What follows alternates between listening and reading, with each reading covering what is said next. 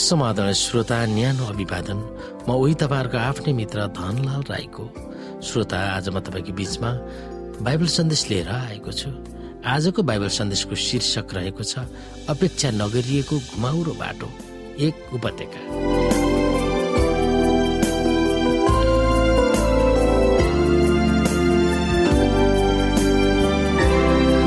श्रोता मित्र मृत्युको अन्धकारमै घाँटी भएर जानु परे तापनि म कुनै खतरादेखि डर्दैन किनकि तपाईँ मेरो साथमा हुनुहुन्छ तपाईँको लट्ठी र तपाईँको लौरोले मलाई सान्त्वना दिन्छ।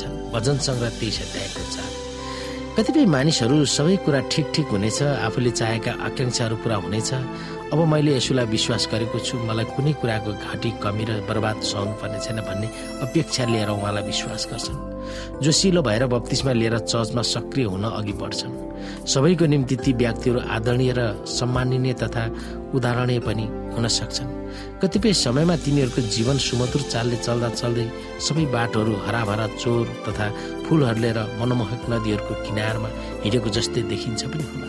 तर आस्था विश्वासको जीवन सधैँ त्यस्तो हुन्छ भन्ने छैन। भनेर दाउदले जीवनको तितो सत्यलाई खुल्ला रूपमा चित्रण गरेको छ हामीले हिँड्ने जीवनको उपत्यकामा मृत्यु खतराका भुवाङ परेका भौगोलिक बनावटहरूमा पनि हामी नचाहँदा नचाहँदै पनि हिँड्नु परिरहेको हुन्छ।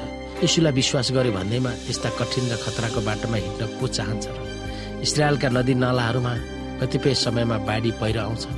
मानिसले अपेक्षा नै नगरिएको बेलामा घर खेतहरू पनि तिनीहरूले बगाएर लगिएको हुन्छ। कतिपय ठाउँहरू ती भौगोलिक बनावटहरू साँगुरो र ठाडो भिरालो पनि हुन्छन्। तिनीहरू अन्धकार पनि हुन्छन्। त्यसकारण प्रभु भक्तको जीवनमा हिँड्नुपर्ने बाटोहरू मृत्युका छायाहरू हुन्छन् भनेर दाउदले चित्रण गर्दा धेरै गहिरो छाया अन्धकारको जीवनको पनि सामना गर्न बाध्य हुनु परेको हुन्छ भन्ने कुरालाई उनले लुकाउँदैन। तपाईँको आफ्नै जीवनमा जोखिमपूर्ण मृत्युको छायाको उपत्यकामा जानु परेका यादहरू सम्झाउनुहोस् त्यो घुमाउरो र जोखिमपूर्ण जीवन कस्तो थियो? प्रभु तपाईँको गोठालोको रूपमा तपाईँको साथमा रहे तापनि के तपाईँमा केही डर त्रास असुविधा र सकस परिस्थितिको अनुभव कहिले गर्नुभएको छ? यस्तो विषम परिस्थितिमा बाइबलका कुन पदहरू तपाईँको दिमागमा आएका थिए र तिनीहरू तपाईँको मर्ममा झुन्डिरहेका थिए? ती पदहरू तपाईँको निम्ति अनमोल अचुक अस्त्र भएर कसरी बसेका छन्? त्यस खतरात्मक उपत्यकामा भेडा कसरी पर्यो होला? के त्यस भेडा आफ्नै चाहनाले गएको थियो वा गोठाला आफैले उसलाई त्यसतिर डोराएको थियो? अर्थात् के तपाईँलाई जान जाने प्रभु गोठालोले नै त्यस जोखिम बाटोमा लानुभएको थियो कि?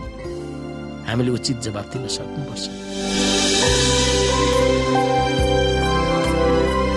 एलिजाबेथ इलियोट जो बेल्जियमका इसाई लेखक हुनुहुन्थ्यो सन् उन्नाइस सय छप्पन्नमा आफ्नो श्रीमान सुसमाचार प्रचार गर्ने क्रममा दक्षिण अमेरिकाको स्थानीय बासिन्दाले हत्या गरेका थिए।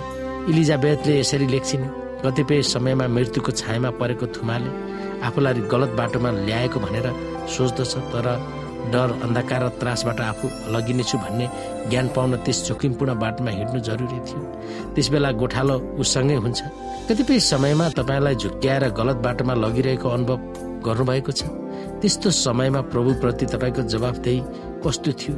त्यस्तो जोखिम अवस्थामा तपाईँलाई लैजाँदा गोठालो आफै पनि तपाईँलाई गलत बाटोमा लगिरहनु भएको छ भनेर गलत सोचमा हामीलाई पार्न कदम चाल्नु भएको हो कि के तपाईँले सोच्नु भएको छ? त्यो कुरालाई हामीले सोच्न सक्दछौँ।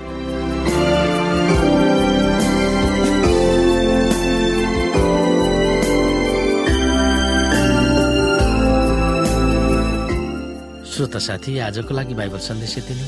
हस्त नमस्ते जय मसिंह। Música